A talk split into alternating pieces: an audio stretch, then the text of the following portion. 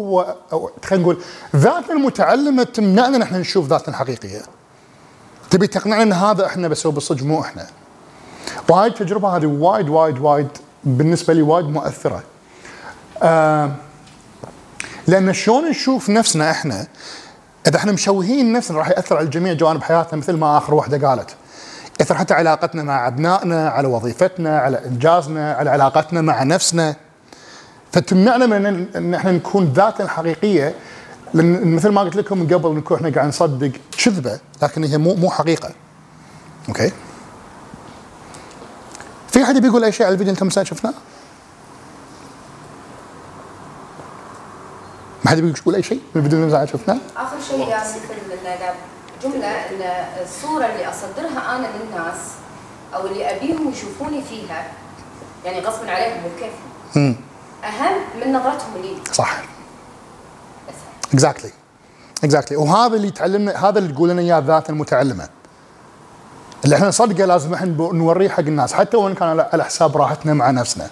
لأن ساعات من أنا بالنسبة لي أشبهها من كثر ما إحنا نعيش من وراء قناع نبدأ نصدق إن هذا القناع هو وجهنا الحقيقي. بس مو وجهنا الحقيقي. هو مو إحنا.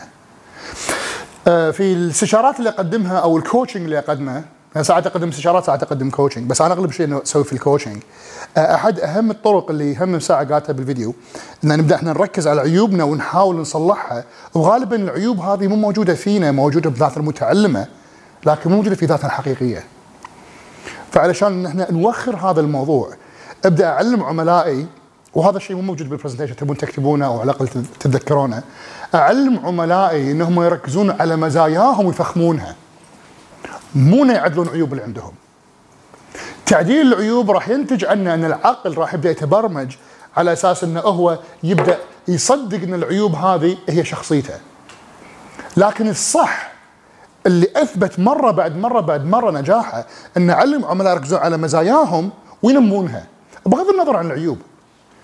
لأن مع الوقت راح يبدأ الإنسان من كثر ما هو ينمي مزاياه يبدأ تركيبة العقل الكيميائية والعصبية تبدأ تفخم المزايا اللي عنده اللي ينتج عنها بعد تفخيمها ضعف العيوب. okay؟ في مثل أمريكي وايد حلو أنا أحبه اللي عاشوا في أمريكا ويذكروني يقول if it ain't broken don't fix it. إذا الشغله مو مكسورة لا تصلحها.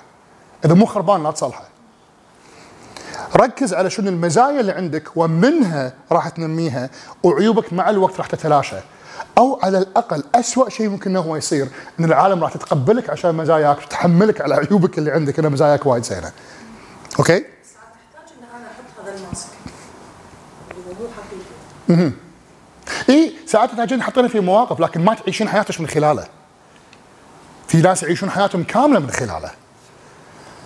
فهمت فهمت الفرق بين الاثنين؟ يعني أنت نفس اللي قلتي هو ماسك لكن مو وجهك مثلا أنا لما أطلع بالتلفزيون أنا ما أطلع مثل الشخصيه الحين قاعد فيها معاكم أحاول أكون شوية غير. أو لما أطلع مثلا إذا عندي تدريب رسمي في وزارة أو لما يكون عندي مثلا عميل أول مرة أدخل بيته أو ساعات أول مرة يشوفوني أحاول أكون طريقة تناسبه هو لأن بالنهاية أنا بخدمه لكن ما أفرض نفسي عليه. لكن مجرد ما أطلع من نفسهم ارجع حق ذاتي اللي أنا اللي أنا أساسا منها. لأن خلينا نقول إحنا ما قاعد نتكلم عن ماسك إحنا قاعد نتكلم عن أسلوب حياة كامل. لما الواحد يبدأ يعيش أسلوب حياة كامل عن طريق كذبة ممكن تاثر على حياته كلها. لكن هو مو تهذيب لسلوكيات معينة. اطلعها من قراب مني. مو هذا الموضوع قاعد أتكلم عنه. قاعد أتكلم عن الإنسان يعيش كذبة كاملة عن نفسه. هي مو موجودة أساسا فيه. قرأت وصلت؟ أوكي. في نظرية اللي أنا أنا أحب ان اقولها هي واقع بالواقع. هي مو نظرية إن هي أنت أساسا سعيد. كيف تعلمت أن تكون غير سعيد؟ إحنا أساسا ولدنا سعداء أنا أحيانا لما أتكلم آه، بعض العملاء لما يجوني أقول له أقول له أنت أساسا سعيد لكنك تعلمت تكون غير سعيد شلون علمني؟ شنو أنت تعلمته؟ شلون أنت تعلمت ان تكون غير سعيد؟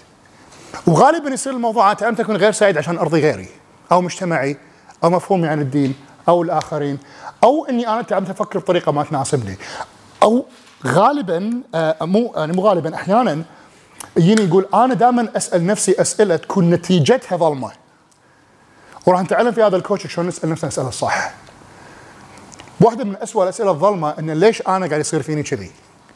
إيش معنى أنا قاعد يصير فيني كذي؟